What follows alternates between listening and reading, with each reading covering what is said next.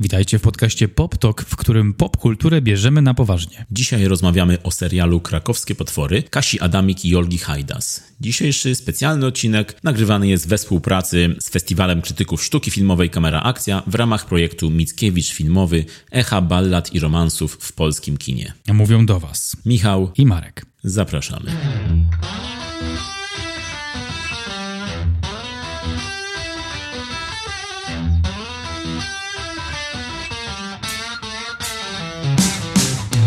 Po co się dzisiaj spotykamy? Około, właściwie dokładnie 200 lat temu, pewien młody poeta, student, oczytany, długowłosy człowiek napisał tom poezji, y, w którym to ballady i romanse były zawarte i tym samym rozpoczął nową epokę w Polsce, epokę romantyzmu. To się wydarzyło dokładnie 200 lat temu i to może być taki jeden z powodów, dla których spotykamy się dzisiaj przed mikrofonami. A drugim z powodów jest ciągła obecność ducha Mickiewicza e, we współczesności. Będziemy trochę go próbować wytropić w polskim kinie współczesnym, a mianowicie wzięliśmy sobie jeden tytuł na warsztat.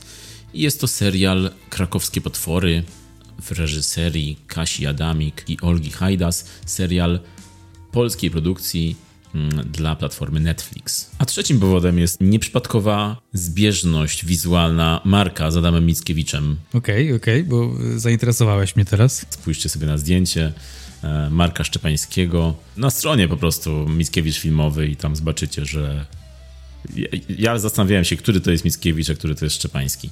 Stop it. Tak jak już wspomniałeś, ballady i romanse Mickiewicza zostały wydane w 1822 roku, czyli 200 lat temu. I ten zbiór jest, e, stał się manifestem polskiego romantyzmu. On rozpoczął wiele zmian w, polskiej, w polskiej literaturze i kulturze, no i zaczął nową epokę.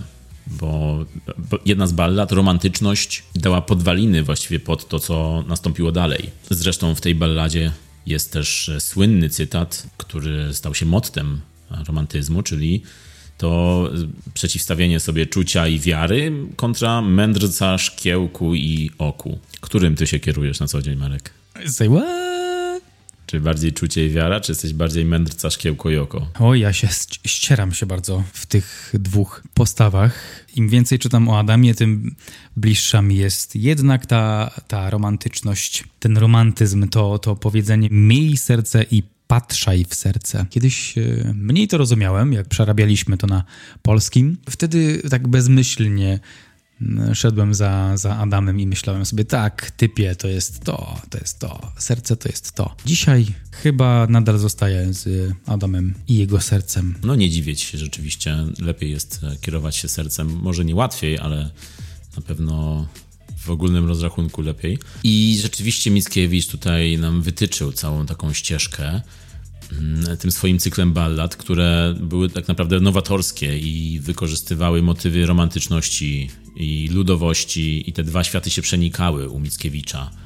E, czyli tam, gdzie do tej pory autorzy, twórcy widzieli coś zwykłego, to Mickiewicz widział coś niezwykłego. To było takie przenikanie się codzienności z tym odczuwaniem pozazmysłowym. Ta twórczość Mickiewicza w baladach i romansach, właściwie można tutaj punkt po punkcie tak odhaczać zbieżności z choćby właśnie serialem Krakowskie Potwory, ale nie tylko, bo jest we współczesnym kinie polskim e, kilka takich e, przykładów mickiewiczowskich, z tym, że ten serial, on idzie dalej. I dlaczego? Już zaraz wytłumaczymy i powiemy. U Mickiewicza w takich miejscach jak właśnie Świteś pojawiają się jakieś istoty czy jakieś siły nadprzyrodzone. Czyli mamy tutaj do czynienia z prawdziwymi miejscami, realiami historycznymi, lokalnymi, w które wkracza coś e, nadprzyrodzonego. I tutaj właśnie możemy już zacząć tą pierwszą paralelę z serialem Krakowskie Potwory, czyli tak jak tytuł serialu wskazuje, w Krakowie pojawiają się potwory, czyli zaczyna się dziać coś pod powierzchnią tego miasta. Tych potworów jest tutaj sporo i twórczynie Adamik i Hajdas nie powstrzymują się z pokazywaniem tych nadprzyrodzonych elementów tego świata. Idą tam, gdzie właściwie polskie kino do tej pory nie było, albo jeśli było, no to było bardzo zachowawcze. One tutaj idą tak full frontal po prostu. Pokazują ci te nadprzyrodzone zjawiska, jakby to było z archiwum Mix. Ale czym jest ballada Czym jest romans, czym są ballady i romanse? Czy to jest taka ballada, jak Nickelback nagrywał? Mogłaby być. W sumie Nickelback w jednym z utworów śpiewa, że And they say that a hero will save us. W balladach Mickiewicza jest łączony realizm z fantastyką. Zawsze jest jakaś nadprzyrodzona moc, jakiś element, który pojawia się, aby nauczyć postać naszą realistyczną, aby, aby nadać jej historii morał lub e, aby ukarać naszą e, materialną postać. Te dwie rzeczy zawsze się przeplatają, czyli jak to mawia Marek Szczepański, ludzie i duchy to te same pieluchy. Prosto do salonu tatuażu z tym idę. Proszę pana, proszę tu na klacie. Gotycką czcionką. tak. No, powiem ci, że Adam byłby tutaj z ciebie dumny. To jest moja pokrewna dusza. Adam Mickiewicz, Marek Szczepkiewicz, Adam Markiewicz. Mówiłem, że z wyglądu, a tu jeszcze nie tylko z wyglądu, ale też z duszy, proszę. Ballada to taki gatunek, który łączy w sobie kilka gatunków i obowiązkowym elementem tego gatunku jest również jakaś supernaturalna moc, która przybyłaby nas czegoś nauczyć, by nas ukarać. A romans oczywiście to romans. To, to jest taka intryga miłosna, bardzo obfitująca w emocjonalne uniesienia. I te dwie rzeczy widzimy w twórczości Mickiewicza, no i w naszym dzisiejszym serialu. Jak tak mówisz, to od razu przychodzi mi na myśl moja, mój, mój ulubiony utwór z tego cyklu, czyli Lilie. Pamiętam, że wbiły mi się w umysł już za dzieciaka w szkole, kiedy, kiedy to właśnie omawialiśmy Mickiewicza, Ballady i Romanse i pamiętam, że właśnie przy tym jakoś tak się zatrzymałem i, i bardzo zadziałało na moją wyobraźnię. Zbrodnia to niesłychana, pani zabija pana, tak otwiera się ten utwór e, i tam też jest dalej jeszcze rośnie i kwiecie wysoko, jak pan leży głęboko. Było to takie trochę makabryczne, szczególnie jak wtedy to czytałem i chwyciło mnie mocno. Klimat, atmosfera tego utworu była taka bardzo mm, wyraźna, bardzo no, filmowa można powiedzieć. To jest, można by to zaadaptować w, jakiś, w jakąś krótką nowelkę filmową. I no i tak, no i bardzo mi się zawsze podobały te lilie. Jak czytałem, to czułem, jakbym przywoływał jakie, jakieś istoty tutaj, e, jakąś, jakbym na drugą stronę przechodził, jak w Stranger Things chociażby. I to ci chyba zostało, no nie? Horrory, elementy gatunkowe, takie straszące. Tak, tak, zawsze lubiłem kino gatunkowe i horror i rzeczywiście być może tutaj Adam miał jakiś wpływ na to, tymi liliami może obudził jakąś mroczną stronę mojej osobowości. Fajne było to w Adamie, że spójrz, ty po tylu latach postrzegasz Adama jako swoją nieświadomą, nieuświadomioną być może inspirację do pewnych poczynań w życiu dorosłym, a Adam bardzo świadomie starał się zrobić przez swoje teksty to, co robi każdy człowiek, każdy dorastający człowiek ze swoim rodzicem. Chciał zbić te różnice mm, pokoleniowe, albo inaczej, on chciał je trochę zmienić. Chciał pokazać, że jednak ten stary porządek, te tradycje, one są zakonserwowane i nadszedł czas na, na czućko, na romantyzm. I on, jak taki nastolatek w świecie literackim, buntował się przeszłym schematom, tworząc coś nowego, tworząc coś, co do tej pory nie powstawało. I to jest, myślę, dobry moment, żeby przejść do serialu, który właśnie jak tak opowiadasz o Mickiewiczu, jego balladach, no to mm, widzę tutaj wyraźne podobieństwa między tym serialem i zamiarem jego twórców, twórczyń. Mm, między tym, to sobie postawiły za cel, tworząc krakowskie potwory. O czym opowiadają krakowskie potwory? Akcja krakowskich potworów zaczyna się, gdy do Krakowa przybywa Chwosz, czyli taka no, postać bardzo demoniczna, zresztą jedyna z tych trzech bogów e, z mitologii słowiańskiej. E, jeden z bogów czarnych, tak zwanych. Były trzy e, bóstwa, czerwone, białe i czarne. Białe powstało na początku i to bóstwo stworzyło świat, potem powstało czarne i czarne chciało siać chaos, a czerwone bóstwo powstało do tego, żeby harmonizować wszystkich bogów. No i taki chwosz się pojawił w ciele e, zmarłego e, dziecka. I jak to jeden z czarnych bogów zaczyna niszczyć. I naprzeciw temu chworzowi, temu czarnemu bogowi, staje grupka profesora medycyny e, Zawadzkiego, granego przez pana Chyrę Andrzeja i jego grupa jako dziewiątka bardzo uzdolnionych, też tak supernaturalnie uczniów, studentów próbują walczyć z tym złem, z tym chworzem. Tak, i główną bohaterką jest e, Alex, czyli Ola, Ola Walas, grana przez Barbarę Liberek. E, ona jest e, nową osobą w tej grupie. Ona jest, i my jesteśmy z nią, patrzymy na wszystko z jej punktu widzenia, jako ta nowo przybyła w tej dziewiątce profesora Zawadzkiego. Także wprowadza nas w ten świat.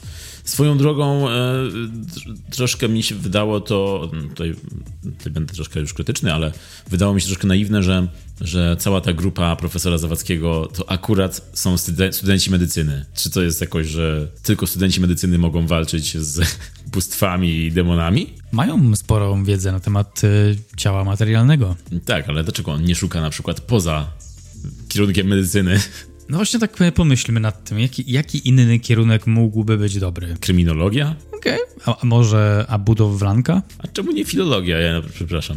Okej, okay, filologia też. Studenci z takiej filologii polskiej wydaje mi się, że mieliby trochę materiału. Tym bardziej, że ci nasi bohaterowie, oni nie używają bardzo tej medycyny w, w, w tym śledztwie czy w serialu. Tam są poszczególne postaci, które jakoś tam robią sekcję zwłok, ale nie jest to tak, że oni tą medycyną walczą z tymi demonami i bóstwami. A tych demonów i bóstw jest tutaj e, pod dostatkiem, bo e, serial czerpie bardzo mocno ze słowiańskiej mitologii, z wierzeń starosłowiańskich. Nawet jest tutaj e, jakiś dialekt, taki język użyty, który jak twórczynie przyznają jest wymyślony i inspirowany językami starosłowiańskimi i jakimiś fonetycznymi zapisami, ale to jest wymyślony język, także nie będziemy w nim dzisiaj rozmawiać, Marek. A szkoda, szkoda, bo szukałem już jakiegoś porządnego translatora w sieci, żeby przetłumaczyć kilka śmiesznych zdań dzisiaj. Hi, hi, Ludzie i duchy to te same pieluchy. O, gdybyśmy to przetłumaczyli na ten dialekt, to byłoby idealnie. No być może zgłosimy się do Adamik i Hajdas z tym tłumaczeniem. A może w drugim sezonie pojawi się to zdanie, nawet, nawet nie zauważysz, bo nie zrozumiesz tego pewnie. Myślę, że im podeślę sugestie. A odnośnie tego dialektu i tej, tej, tej części wymyślonej, to nawet w wypowiedzi profesora, doktora habilitowanego Andrzeja Szyjewskiego z Instytutu Religioznawstwa na Uniwersytecie Jagiellońskim w serialu Krakowskie Potwory pojawia się rzeczywiście znaczna część mitologii słowiańskiej, ale jest tam również dodatek new age'owych motywów, które z mitologią słowiańską mają bardzo niewiele wspólnego. Między innymi ten dialekt, postać Spasa, czyli dziadka Mroza, czy chociażby e, słowa Bożyca. Bożyca, czyli słowo, które oryginalnie oznacza wiedzę o bogach, tutaj było użyte jako określenie jednej postaci, czyli tego anioła, powiedzmy stróża e, głównej bohaterki Alex, nazywanego również Aitwaras. Tutaj musimy nadmienić, że e, w tym nagraniu pojawią, pojawią, się spoilery, więc e, no, serial nie jest najnowszy, więc mam nadzieję, że mieliście okazję się z nim zapoznać, mm, bo będziemy zdradzać ważne rzeczy dla fabuły pierwszego sezonu. Tak, właśnie wspomniałeś o tej, o, o tej e, mitologii, która nie jest do końca mitologią.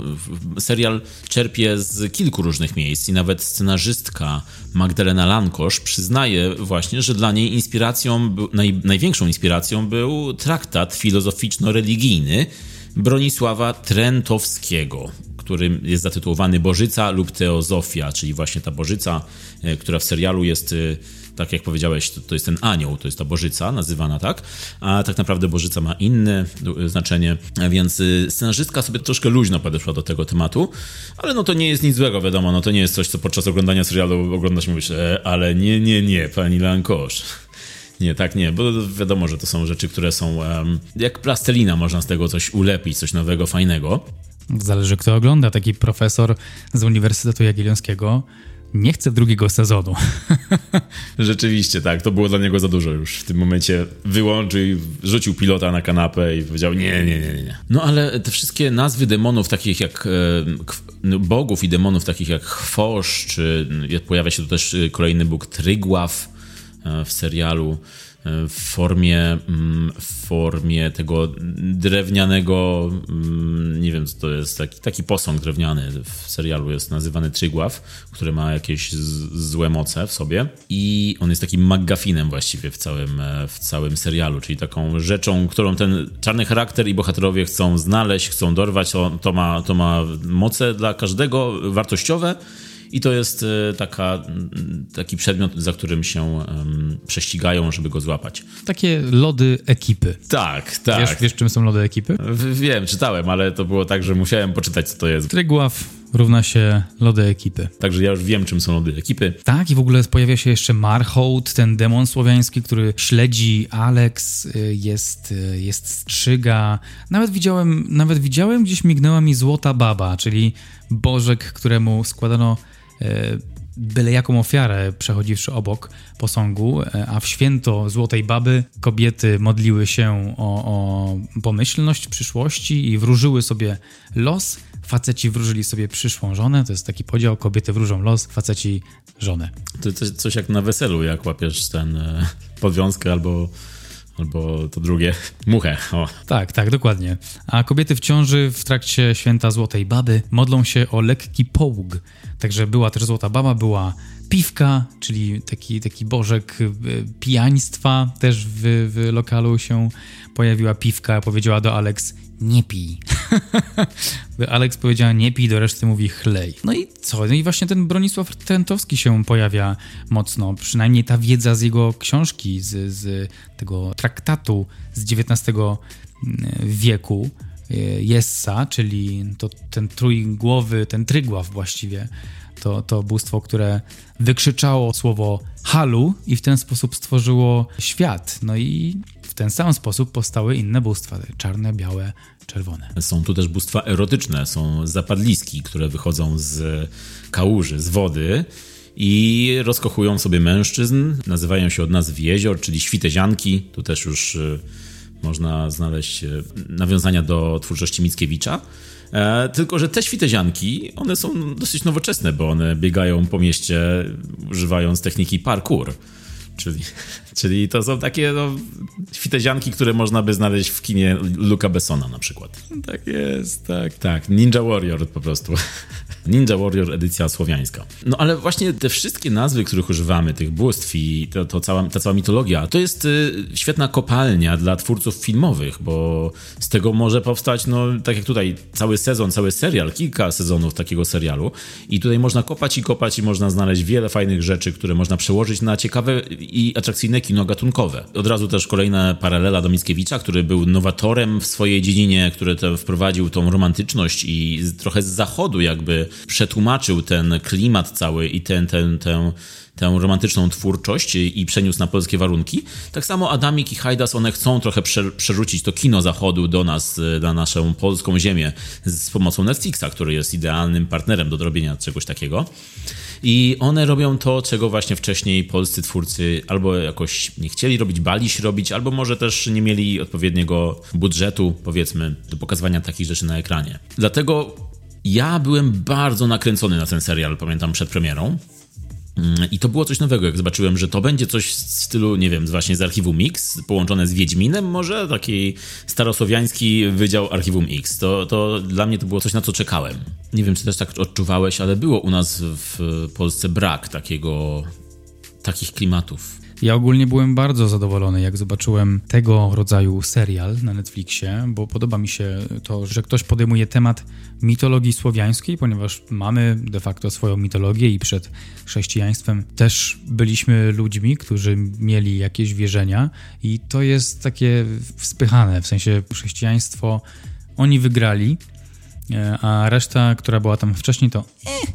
I fajnie, że ktoś e, dotyka ten temat i podobało mi się to, że mogliśmy zobaczyć to w takiej rozrywkowej produkcji. Podoba mi się ten motyw przywoływania starych rzeczy słowiańskich do współczesności, na takie współczesne warunki, jak na przykład gdy Bagiński zajął się Twardowskim albo, albo Smokiem Bawelskim. To były takie nasze historie, ale zrealizowane na nasze współczesne czasy. Więc jak najbardziej, bardzo się cieszę, że ktoś takie coś podjął i wzbogaca naszą kinematografię o, o, takie projekty. Tym bardziej, że jest to produkcja, która idzie mocno w CGI, w efekty komputerowe i w no, wizualną stronę tego wszystkiego, tej całej mitologii. No bo były do tej pory filmy, które używały jakoś tej słowiańskości. Nie wiem, Demon Marcina Wrony był bardzo ciekawym filmem z bardzo niepokojącą atmosferą, ale on nie pokazywał tak, on zostawiał wiele do, do, do powiedzenia, on tam nie pokazywał pokazywał czegoś takiego jak potwory. Tam były jakieś wierzenia, tam były jakieś duchy przeszłości i to była bardziej jeszcze na zasadzie metafory. To było jeszcze bardziej kino polskie na zasadzie metafory, pokazujące coś więcej. A tutaj właśnie u Hajdas i u Adamik jest to wprost, czyli są te potwory, które są normalnie pokazywane do kamery i które wyglądają wow. E, no, nie, niektóre wyglądają świetnie i chciałbym więcej obejrzeć ich, a często po prostu są pokonywane i jest koniec potwora na przykład w tym serialu, a były takie właśnie, które, które chciałem zobaczyć w kolejnych odcinkach. Są też takie, które wyglądają na lekko niedopracowane i być może tutaj był pośpiech jakiś w grze, ale ogólnie naprawdę w tym rozrachunku y, CGI-owo koncepcyjnym, no to mnie się ten serial podoba pod tym względem.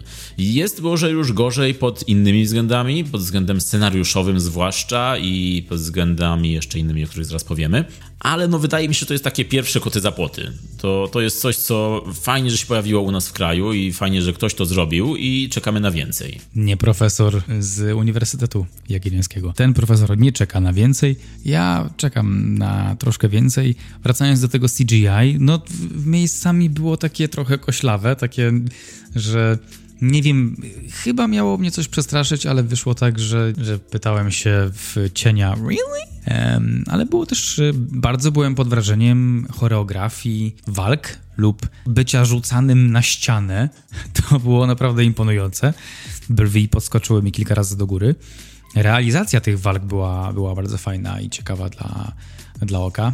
Mnie się podobał zwłaszcza ten jeden potwór taki z taką takimi wielkimi zębami, taki wielki, on się, spalili go chyba na początku. To on ci się podobał, no on to właśnie, podobał. ten mi się właśnie nie podobał. Ten się nie podobał, a mnie się podobał, był taki niepokojący, taki dziwny, że aż chciałem właśnie, żeby coś więcej z nim zrobili. Co byś chciał, żeby z nim zrobili? No, żeby go użyli jako, nie wiem, jakiegoś e, takiego, jak, taką maskotkę serialu, jak, nie wiem, w nieskończonej opowieści był ten pies na przykład. Aha, czyli żeby był takim e, sidekickiem trochę Alex, tak? Tak, tak, dokładnie, aha, żeby tam się aha. pojawiał co jakiś czas i wiesz, pomagał, albo właśnie, żeby latał na nim, żeby latali na nim. Nie, no to byłoby już za bardzo niekończąca się opowieść. Do mnie w ogóle nie, nie wiedziałem, jak sklasyfikować, to tak zobaczyłem i nie wiem, czy to jest jakaś postać z Minecrafta, czy to jest coś, co, co ma być straszne, czy wiem, że to ma być jakieś niepokojące i straszne. Wiem, scena budowała, budowana była tak, żebym w tym momencie odczuł strach, ale odczułem taki, że nie wiem, czy rzucić jakąś tam kocimiętkę temu czemuś. Dla mnie straszną postacią był, no był chwosz, był chwosz straszną postacią, taką złowieszczą i ten głos miał taki pogrubiany bardzo często. E, I tej postaci się bałem. Tej postaci faktycznie się bałem. Co czy ja od razu powiem, że na tym serialu nie bałem się. To nie jest taki typowy horror, żeby były jumpscary i, i napięcie narastało jak u Jamesa Wana chociażby. Tylko były tam rzeczywiście momenty niepokojące. Były takie lekko niepokojące momenty. Chwosz miał, taki, miał kilka takich momentów rzeczywiście. Miał też kilka takich momentów, że myślałem sobie, że trochę mi nie pasuje ten chłopak na tego chworza ale nadrabiali właśnie to różnymi takimi zabiegami, jak właśnie głos, czy jak praca kamery, kolorystyka, mm, taka ta szarobura, no i przede wszystkim ten deszcz, ten wszechobecny polski, krakowski deszcz. Taka angielska pogoda była wszechobecna, tak trochę jakby miała mówić, że to miasto trzeba oczyścić, no bo, no bo też jest to... Tutaj taksówkarz od razu się kłania, że ten, przyjdzie ten deszcz i zmyje wszystki, cały ten skam E, of the Earth. I tym skamem of the Earthem w tym, w tym właśnie serialu lub w ogóle w, naszej, w naszych wierzeniach jest ta klątwa, która, która jest rzucona na Kraków. Kraków, dawna stolica Polaków. Tak jest. Ludzie i duchy, te same pieluchy. To jest jakiś.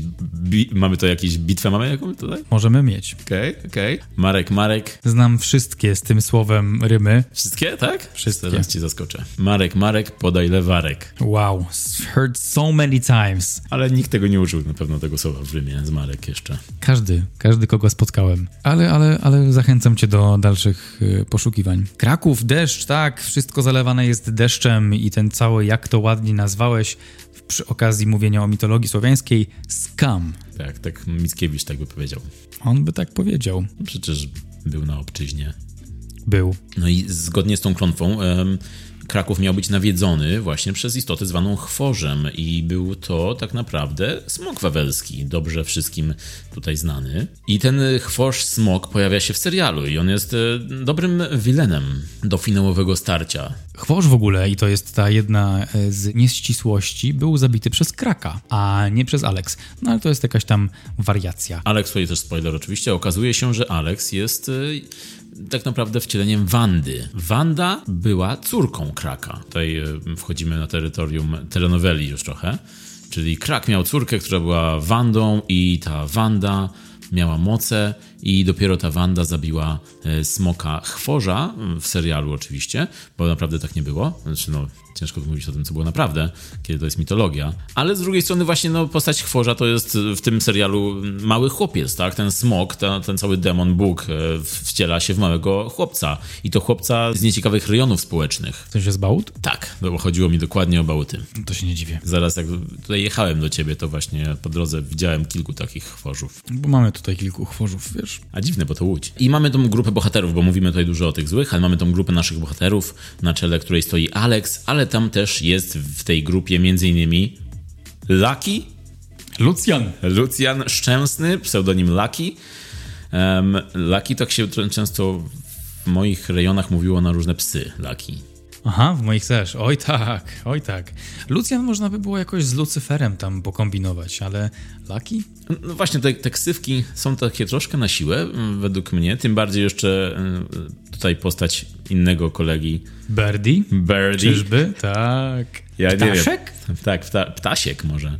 Ale ja, ja nie wiem, bo gdyby ktoś w naszym towarzystwie miał taką ksywkę, to ja bym cały czas się wahał mówiąc do niego, bo nie wiedziałbym, czy mówić do, do niego Birdie, czy tak po angielsku bardziej Birdie. Z jakim akcentem mam do, do niego mówić? Akcent Brada Pitta. Birdie. Hey, Birdie.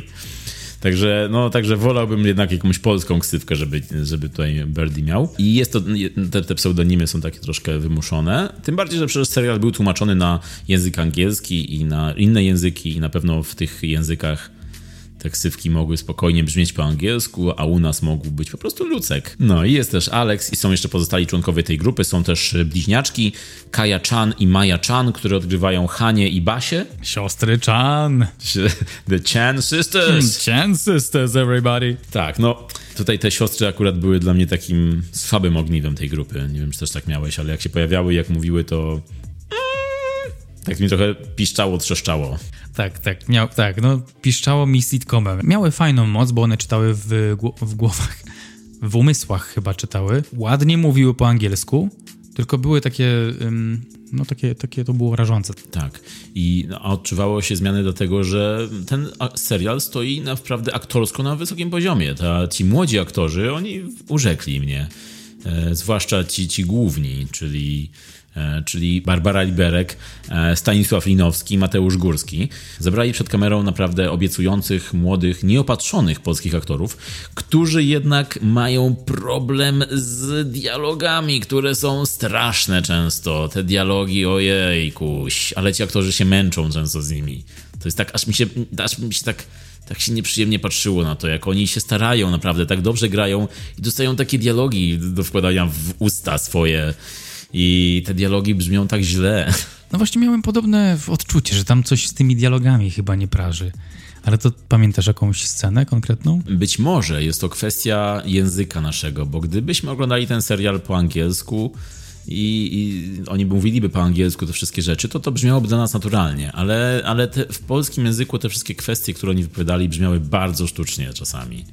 Też mam taką teorię właśnie, chciałem się podzielić, że być może to, że to było takie trochę szczypiące, to słuchanie ich w niektórych momentach, nie wynika aby z tego, że te zachodnie produkcje są nam tak znajome, że jak już patrzymy na aktorów uwikłanych w supernaturalną zagadkę, to to jest takie naturalne słuchać tego w języku angielskim. Ale jak wrzucimy w to polski język, a nasze umysły kompletnie nie są przygotowane na to, to jest coś nowego, sam powiedziałeś, pierwsze koty za płoty, więc mamy jeszcze lata, lata aby przyzwyczaić nasze umysły, to to było takie, takim niepasującym elementem, takim trójkątem w, do, wpychanym w kształt kwadratu. Jak się odzywały siostry Chan, po angielsku, jakby budując tę intrygę, to tak to, to te, takie momenty, jak, jak ich słuchałem, to było o, więc to jest, więc to jest zachodnia produkcja.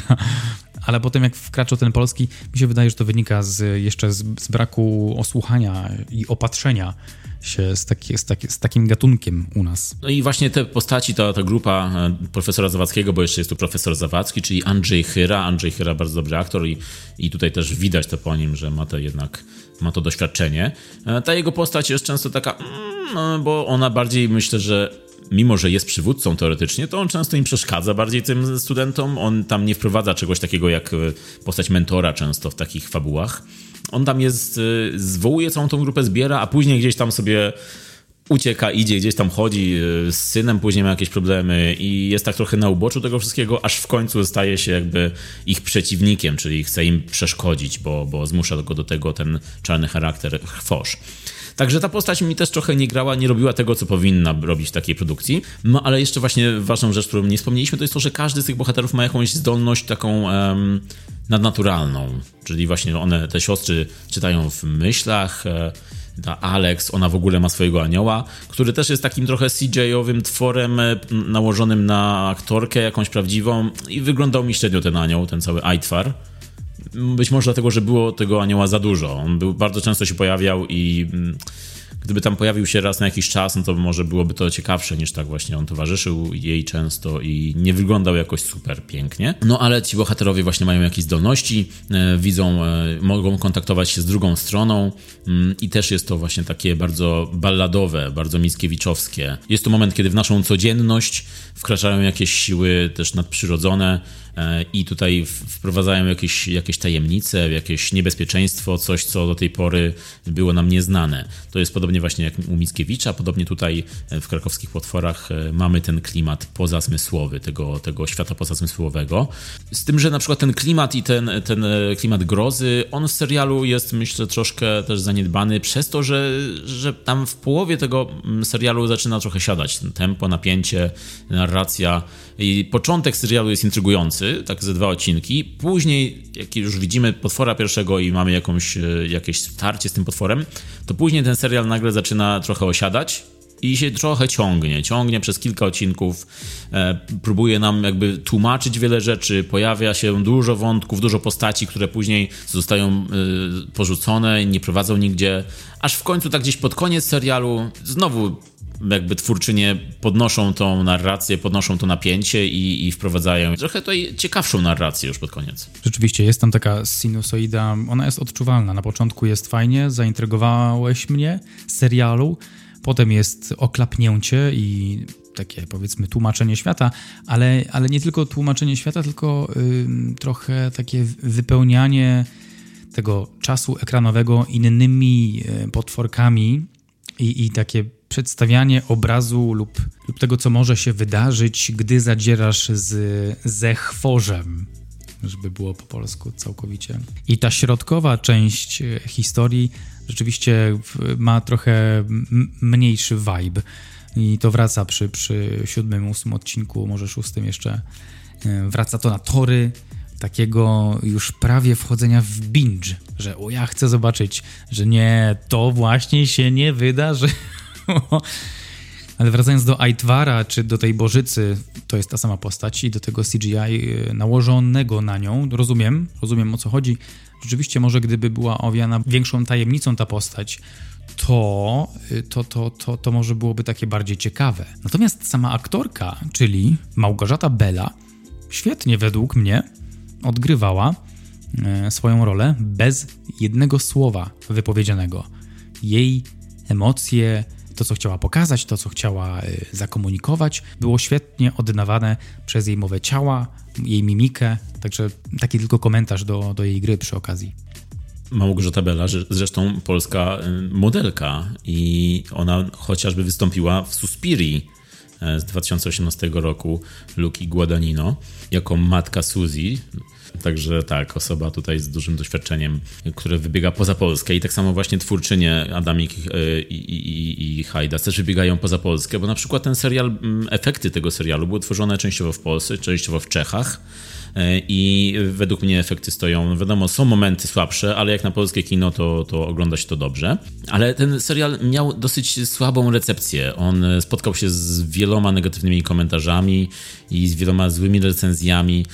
Wydaje mi się, że to, ja to rozumiem z jednej strony, ale wydaje mi się też dużo osób po prostu nie skończyło go oglądać. Myślę, że po prostu wiele z tych osób, negatywnych głosów poddało się po, nie wiem, jednym, dwóch, trzech odcinkach i nie szło dalej. A, a szkoda, bo właśnie ten serial na koniec zyskuje. Dokładnie, dokładnie. Totalnie to rozumiem i, i, i, i ważna jest ta ważna jest ta ścieżka, ten proces, bo, bo rozumiem ludzi, którzy mogliby się poddać po trzecim odcinku. E, to był moment ogólnie w historii, kiedy wszystko zwalniało, jak już wspomnieliśmy.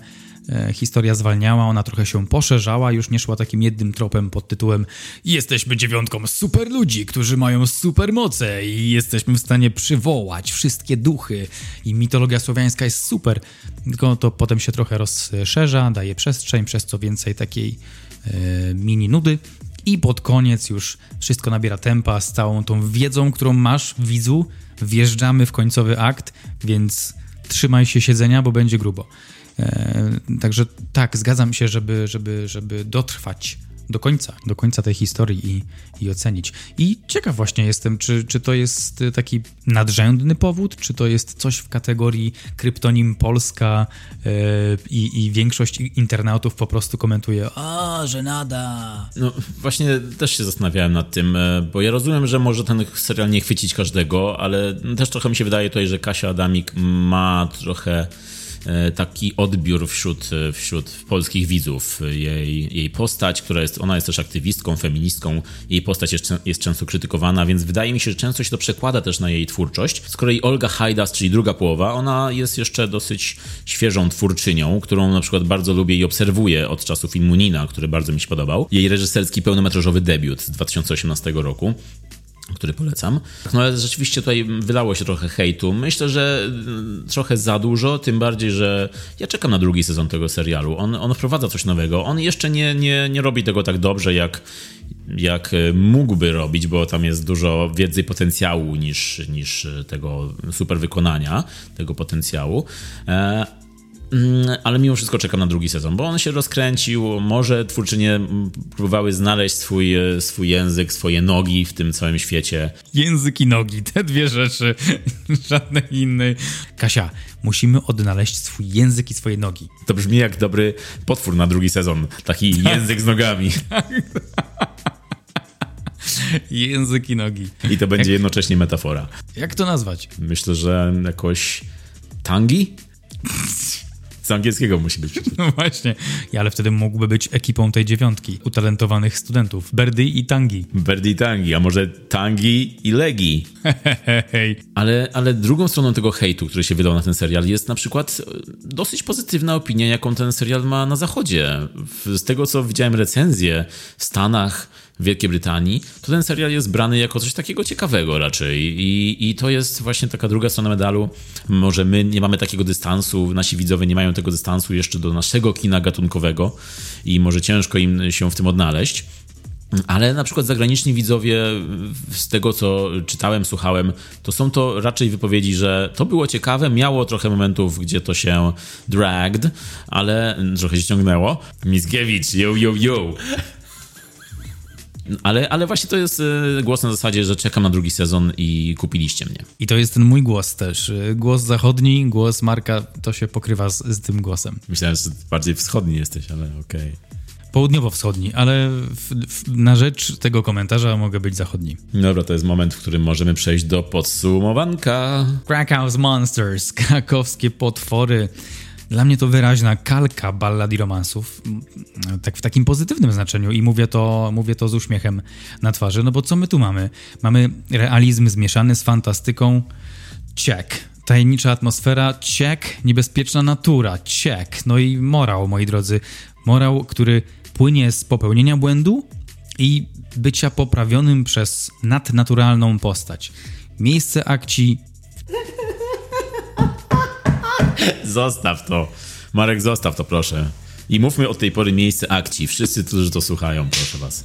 Miejsce akcji jest ściśle określone. To jest kolejna kolejna cecha gatunku Mickiewiczowego. Także mamy wszystkie elementy ballad i romansów. One są dostrzegalne, jest ta tajemniczość, jest ta enigma, jest to nawet teraz, jak idę gdzieś do lasu w, w swoim dorosłym życiu, czy, czy, czy, gdzieś na spacer i robi się ciemno, no to te, te nie wiadomo co wchodzi w, w pole mojego widzenia mojego trzeciego oka i, i trochę nie chcę spędzać czasu w tym lesie. Trochę się martwię, że jakiś, jakiś cień się zmaterializuje i że będzie chciał mnie jakoś tam poprawić, ten cień. Jest taki edytor dzieł Mickiewicza, Czesław Zgorzelski. On powiedział, że ballady i romansy to utwory, które opierają dziwność romantyczną fabuły na cudowności przeobrażeń wiążących człowieka z przyrodą. Bardzo ładny opis i bardzo wybrzmiewa też w serialu Krakowskie Potwory. Widziałem tam elementy te tak zwane new age'owe, o których wspominał profesor Szyjewski. Nie wiem, czy zauważyłeś ten, no, to było bardzo widoczne, motyw oczu na dłoniach y, jednej z, z, z, tych, z tych postaci. Był to też motyw trochę nawiązujący do Guillermo del Toro i Labiryntu Fauna, także z jednej strony słowiańsko i z drugiej strony tutaj del Toro. Dokładnie, dokładnie, więc są elementy, które są pomieszane. Nie jest to taki puryzm słowiański, ale, ale według mnie to też wzbogaca. Jeśli chodzi o aktorstwo, to zgadzam się z tym, co powiedział Michał Miller, znany jako Michał Millerkiewicz. Dla przyjaciół. Adam Michałkiewicz. Tak. Michałkiewicz. Młodzi, zdolni aktorzy, ale, ale te dialogi trochę, trochę zastrzeliły ten vibe. Bywało tak, że scena była budowana, budowana, włos na rękach wstawał, gęsia skórka się pojawiała, ale w momencie wypowiedzenia kwestii trochę to zabijało ten vibe, który, który się budował. Natomiast wydaje mi się, że to kwestia czasu. Bardzo bym też chciał, żeby kwestią czasu była lepsza słyszalność polskich kwestii, bo to, to jest nie pierwsza polska produkcja, gdzie muszę włączać napisy, żeby rozumieć, co ci aktorzy mówią. I to pewnie wynika z tego, że mówią szybko, ale może też tam być jakiś element udźwiękowienia, nie, nie do końca mm, dopracowany. Jest to jakaś przeszkoda i, i, no i wolałbym oglądać polskie produkcje jednak z, z, z uszami, a nie, a nie, a nie z, z napisami. Może, może z językiem i nogami jednak. Z tym też, z tym też, z tangim też. Także czasem, czasem te dialogi powodowały, że niektóre reakcje były albo za mocne, albo takie niedoprawione. Najbardziej ze wszystkich aktorów podobał mi się chyba Andrzej Chyra, bo był taki świetny w graniu ciszy, był bardzo subtelny, miał tylko grymasy trudnych emocji, e, miał w sobie taką, w sobie taką enigmę, którą, która mnie akurat przyciągała. On był trochę taki taki trochę ponad wszystko, co się dzieje, ale wydaje mi się, że tam był dobry, dobry powód, czemu on pokazuje tylko połowę jednej maski przed tymi swoimi uzdolnionymi podopiecznymi. Tam coś działo się więcej, a jeśli nie, to takie coś przynajmniej pokazywał. To samo mogę powiedzieć e, lub przypomnieć e, o, o Małgorzacie Belli, granie ciałem, granie e, mimiką, Świetna sprawa, Barbara Liberek, bardzo dobrze mi się ją oglądało, zwłaszcza w finalnych odcinkach, kiedy nabierała pazura, kiedy potrzebne były mocniejsze emocje. Siostry Chan były dla mnie nieoczywistym wyborem, ale w swojej istocie de facto takiego tła do Alex, no tak jak reszta tych podopiecznych. Oni byli trochę takim tłem dla Alex. E, tutaj chodziło o agendę Alex i o to, że ona jest najważniejsza w tym wszystkim. No ale w tej roli siostry Chan dawały sobie radę. E, bardzo mi się podobało, że były wykorzystane polskie utwory polskich artystów. W jednej ze scen nie bardzo mi pasowało użycie utworu Igo Pussy Cock and God. Było takie zbyt rytmiczne jak na rozwiązywanie zagadki, e, taką inwestygację Alex. Także scenariusz był miejscami troszkę dziurawy. Było dla mnie też oczywiste po zobaczeniu Alex, że będzie taką jedenastką kolejną ze Stranger Things i, i to, to o jej rozwój e, duchowy i taki mocowy. Wszyscy będą dbali, żeby to ona mogła w sobie wybudzić tę postać, która była potrzebna do zaprowadzenia jakiegoś nowego porządku. I jakbym miał podsumować, to krakowskie potwory dla mnie to takie dzieło testujące szlaki. Oglądając, doświadczałem różnych emocji, bo tych miękkich i tych trudnych, co uważam, że jest e, pozytywne. Mam ogromny szacunek do twórców, ponieważ podjęli próbę wejścia w coś, co nie miało zbyt dużo czasu ekranowego dotychczas, czyli taki taki trochę urban fantasy horror. To jest fajne, że to jest kręcone w Krakowie, bo mamy klimat krakowski, mamy te ciasne uliczki, mamy ciągły deszcz, ta taka Mickiewiczowska natura niebezpieczna łączy się z niebezpieczeństwem też tej, tych kocich łbów z Krakowa, także to wszystko stanowi fajną, fajną całość. No i według mnie ostateczna inspiracja, która wybrzmiewa tutaj bardzo, no to miej serce i patrzaj w serce, czyli to, co Mickiewicz starał się nam mówić, żebyśmy za dużo logiki i rozumu nie używali, to poprzez Alex to właśnie, te właśnie słowa wybrzmiewają. Także wydaje mi się, że powinniśmy kolektywnie krzewić tą naszą słowiańskość, bo mamy tutaj dobre rzeczy, tylko róbmy to sumiennie i szczegółowo, a babka, babka wywróży nam na jedno i wydaje mi się, że to na dobre. Także ode mnie 6 na 10 i czekam na więcej podejść. Ballady i romanse samym swoim tytułem wskazywały kierunek, w którym e, Mickiewicz chce iść ze swoją twórczością. I teraz tutaj krakowskie potwory podobnie wskazują swoim tytułem już, gdzie chcą iść. Czyli mamy Kraków, mamy potwory, czyli mamy zapowiedź fajnego kina gatunkowego i na ziemi polskiej. Pierwsza ballada Romantyczność to był manifest Mickiewicza i tutaj pierwszy odcinek też można nazwać takim manifestem twórczyń, e, gdzie one z tym zmierzają. Kasia Adamik i Olga Hajdas idą drogą czucia i wiary, a nie mędrca, szkiełka i E, I idą też trochę pod prąd tej sztywności podziałów gatunkowych kina polskiego, takich klasycystycznych do tej pory, można powiedzieć. Reżyserki poszły tutaj ze scenariuszem Magdaleny Lankosz trochę w nieznane tereny. Netflix im tutaj bardzo w tym pomógł i ja się z tego cieszę. E, oczywiście po drodze twórczynie trochę gubią, e, gubią widzów, co było widać po odzewie właśnie i, i krytyki, i przeciętnego polskiego widza. Ale uważam, że trzeba by trochę z nimi zostać, dać im trochę takiego benefit of a doubt i trochę uwierzyć właśnie na to czucie i wiarę. Miejsce akcji Kraków bardzo tutaj dodaje e, oczek w górę oceny, bo jest e, wypełnione smogiem i wypełnione jakąś mgłą, deszczem, no jest, jest idealnym takim, idealną lokalizacją na taką fabułę i też lokalizacją, która też może zyskać w oczach zagranicznych widzów i przyciągnąć też, nie ukrywajmy, przyciągnąć też turystów do tego miejsca. Ingerencje świata nadziemskiego w ten nasz ludzki, polski świat są e, często ciekawe. Są takie sceny naprawdę fajne jak dla mnie, jak scena e, tej choreografii tanecznej, takiej choreografii prawie tanecznej na ulicy, kiedy wszyscy ludzie zaczynają się e, wykonywać jakieś ruchy dziwne. Mm, to, to była bardzo ciekawa scena, fajna i, i chciałbym więcej takich rzeczy widzieć, takiego kontrolowanego szaleństwa. E, no była też scena niepokojąca i taka, która mnie wzięła zaskoczenia, scena zabicia jednego z bohaterów, która jest w jednym z końcowych odcinków i ta scena tak przyszła do mnie, uuu, tak niespodziewanie i to trochę ją odczułem, muszę powiedzieć, zaskoczyły mnie tutaj e, panie reżyserki. No ale z drugiej strony jest też ta sztywność dialogów, sztywność scenariusza i te, ta sztuczność e, momentami, które tak mnie aż mm, źle się z tym czułem, jak słuchałem tego. No i są też błędy montażowe, są też takie nieprzemyślane decyzje, które właśnie, gdyby ten serial skrócić w ogóle, to byłoby dużo lepiej. Ten sezon, gdyby skrócić, to byłoby dużo lepiej. Na szczęście wszystko ratują zdjęcia Ziva Berkowicza, operator z, z zagranicy, w którego kamerze Kraków zyskuje i Wieliczka zyskuje i takiej atmosfery tajemniczości jeszcze większej. Chciałem tutaj zacytować Juliusza Kleinera z książki Zarys dziejów literatury polskiej, który powiedział o baladach i romansach Mickiewicza, że nie programem literackim zaciekawił ten tomik, lecz bogactwem niezwykłych scen i postaci nakreślonych żywo, plastycznie, zajmująco. Literatura polska dotąd nacechowana była ubóstwem fantazji, teraz na przestrzeni małego zbiorku utworów zaroiło się od postaci fantastycznych, od scen pełnych napięcia. I ten cytat mógłbym teraz przełożyć na teraźniejszość, na dzieło Krakowskie Potwory, które rzeczywiście jest wypełnione tymi postaciami, tą e, folkowością i tą polskością, słowiańskością. I jest to bardzo takie plastyczne, wizualne i bardzo fantastyczne. I jak się skupić na tej właśnie części tego serialu, no to, no to nic tylko kibicować twórczyniom. Ale właśnie e, niestety ta druga część mm, troszkę zniechęciła widzów. Ja jestem też rozbity, bo mm, skróciłbym ten serial o połowę.